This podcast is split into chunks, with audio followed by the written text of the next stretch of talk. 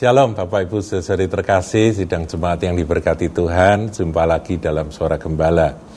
Saudaraku, kali ini kita akan melihat Matius 8, ayatnya yang ke 11 dan 12. Ini adalah perikop tentang perwira di Kapernaum, ya perwira Romawi, saudaraku di Kapernaum, dia bukan orang Yahudi, yang imannya luar biasa sehingga dipuji oleh Tuhan Yesus.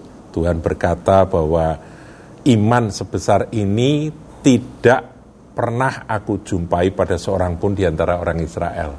Ya, jadi perwira tersebut membuat Tuhan Yesus kagum.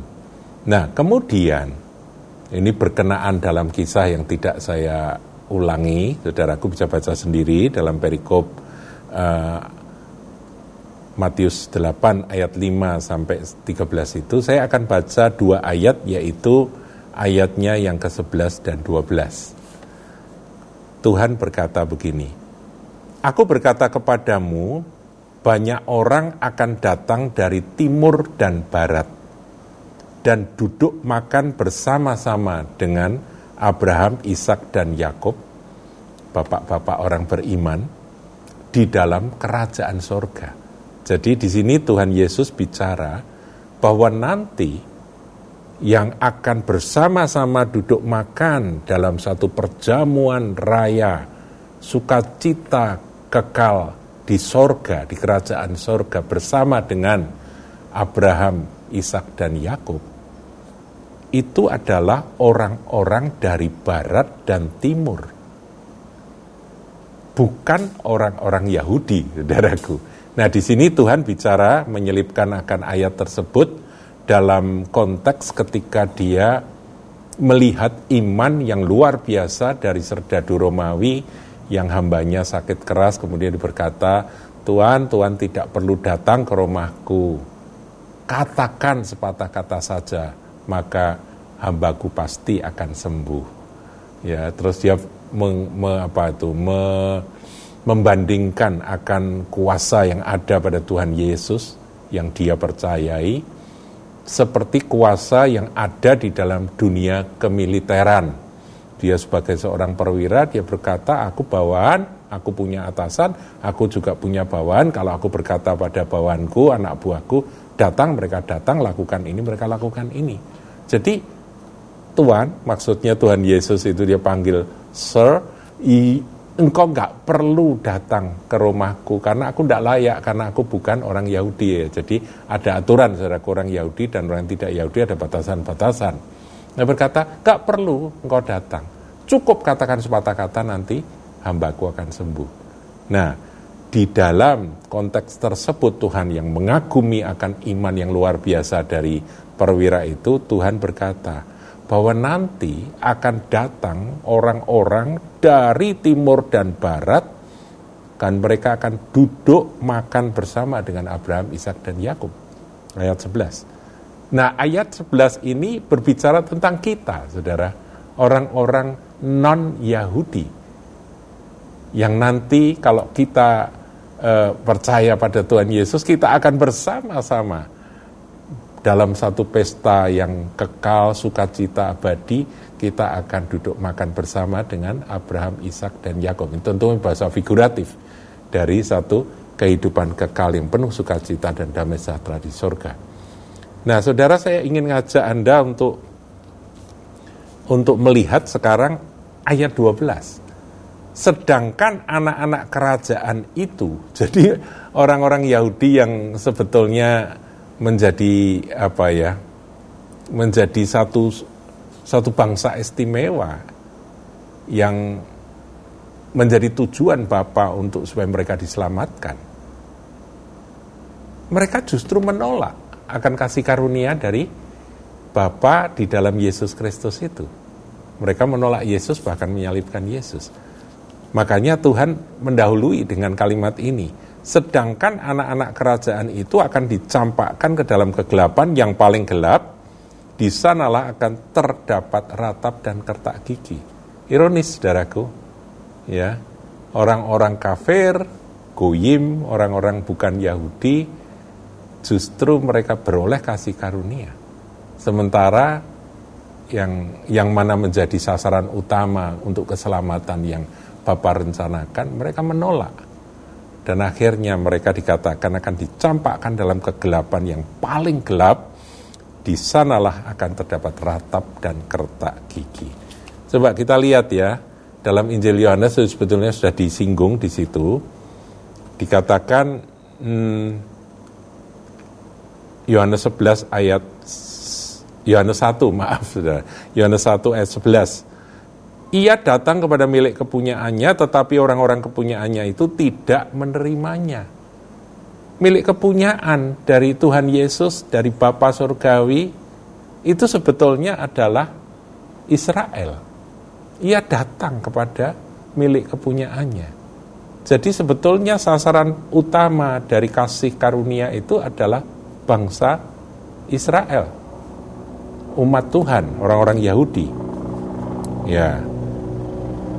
Tetapi ayat 12 kalau saudara baca tetapi semua orang yang menerimanya kita-kita ini orang-orang yang non Yahudi, orang kafir, bangsa-bangsa kafir diberinya kuasa kalau kita menerima dia supaya menjadi anak-anak Allah yaitu mereka yang percaya dalam namanya.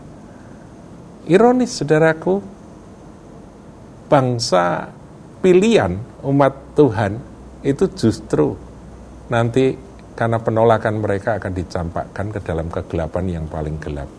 Tetapi sekali lagi saudaraku, kasih Tuhan, rencana Bapa, rencana Tuhan atas bangsa Israel akan digenapi di akhir zaman. Ini sudah kita bahas ya, yaitu ketika nanti antikris muncul, maka orang-orang Yahudi akan sadar dan bertobat. Ya, jadi kita memahami akan kebenaran ini. Coba kayak akan tambahkan di Roma 11 ayatnya yang ke-11 Saudara ya, ini tambahan saja. Maka aku bertanya, adakah mereka tersandung dan harus jatuh?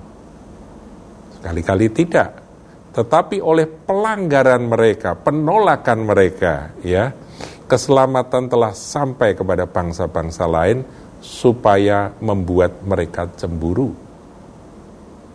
Ayat 12, sebab jika pelanggaran mereka berarti kekayaan bagi dunia dan kekurangan mereka kekayaan bagi bangsa-bangsa lain, terlebih-lebih lagi kesempurnaan mereka. Aku berkata kepada kamu, hai bangsa-bangsa bukan Yahudi, Justru karena aku adalah rasul untuk bangsa-bangsa bukan Yahudi, ya Paulus kan rasul bagi bangsa-bangsa non-Yahudi, aku menganggap hal itu kemuliaan pelayananku, ayat 14, yaitu kalau-kalau aku dapat membangkitkan cemburu di dalam hati kaum sebangsaku menurut daging, dan dapat menyelamatkan beberapa orang dari mereka. Ayat 15, sebab jika penolakan mereka berarti pendamaian bagi dunia, dapatkah penerimaan mereka mempunyai arti lain daripada hidup dari antara orang mati. Jadi sesuatu yang luar biasa ketika mereka menerima. Yang itu yang yang kemarin dalam uh, suara gembala beberapa waktu yang lalu saya sampaikan dalam penggenapan tulang-tulang kering yang tumbuh daging seperti orang Israel sekarang ini, kemudian bertiuplah, berhembuslah akan nafas hidup itu dan mereka berdiri, hidup lengkap tubuh jiwa roh mereka. Bangsa Israel yang sekarang memang kelihatannya kuat tapi belum beroleh kehidupan. Nanti itu akan terjadi. Ya, itulah yang dikatakan sebab jika penolakan mereka berarti pendamaian bagi dunia. Jadi ini ini misterinya begitu saudaraku. Sepanjang eh, sejarah bangsa Israel sejak Yesus disalibkan Injil coba diberitakan kepada bangsa Yahudi karena rasul-rasul kan juga orang-orang Yahudi saudaraku. Tetapi mereka menolak. Kebanyakan dari mereka menolak menjadi tegar. Ya, mereka keras hati, mereka menolak Yesus bahkan menganiaya jemaat. Dan kemudian eh, kawanan kecilnya Tuhan Yesus ini akhirnya keluar dan rasulnya yang yang dipakai khusus oleh Tuhan untuk memberitakan pada bangsa-bangsa lain, beritakan Injil pada bangsa lain adalah Rasul Paulus. Nah, ini yang diceritakan oleh Rasul Paulus yang tadi saya bacakan di dalam Roma 11 tadi. Nah, dia mengakhiri akan akan perenungannya itu ya dan suratnya dalam satu potongan yang dia katakan mereka menolak dan penolakan mereka berarti pendamaian bagi dunia karena mereka menolak maka kasih karunia itu sampai kepada bangsa-bangsa lain yaitu yang dikatakan oleh Tuhan Yesus dari barat dan timur akan orang berkerumun orang berdatangan orang-orang duduk makan sehidangan dengan Abraham, Ishak dan Yakub tadi. Sedangkan anak-anak kerajaan yang menolak itu mereka akan dilemparkan dalam kegelapan yang paling gelap di mana di sana ada ratap dan kertak gigi. Tetapi janji Tuhan tetap berlaku bahwa di akhir zaman nanti Sion akan dilawat. Yaitu ketika, ya ini tafsir saudaraku ya, ketika misteri kedurhakaan itu terjadi, tergenapi. Yaitu orang-orang Yahudi sadar ternyata yang mereka anggap sebagai Mesias ternyata justru antikris. Dan mereka sadar bahwa Mesias yang sesungguhnya adalah dia yang mereka tikam, yang mereka salibkan 2000 tahun yang lalu. Yesus Kristus Tuhan. Nah, kita doakan saudaraku, harinya sudah semakin dekat, di mana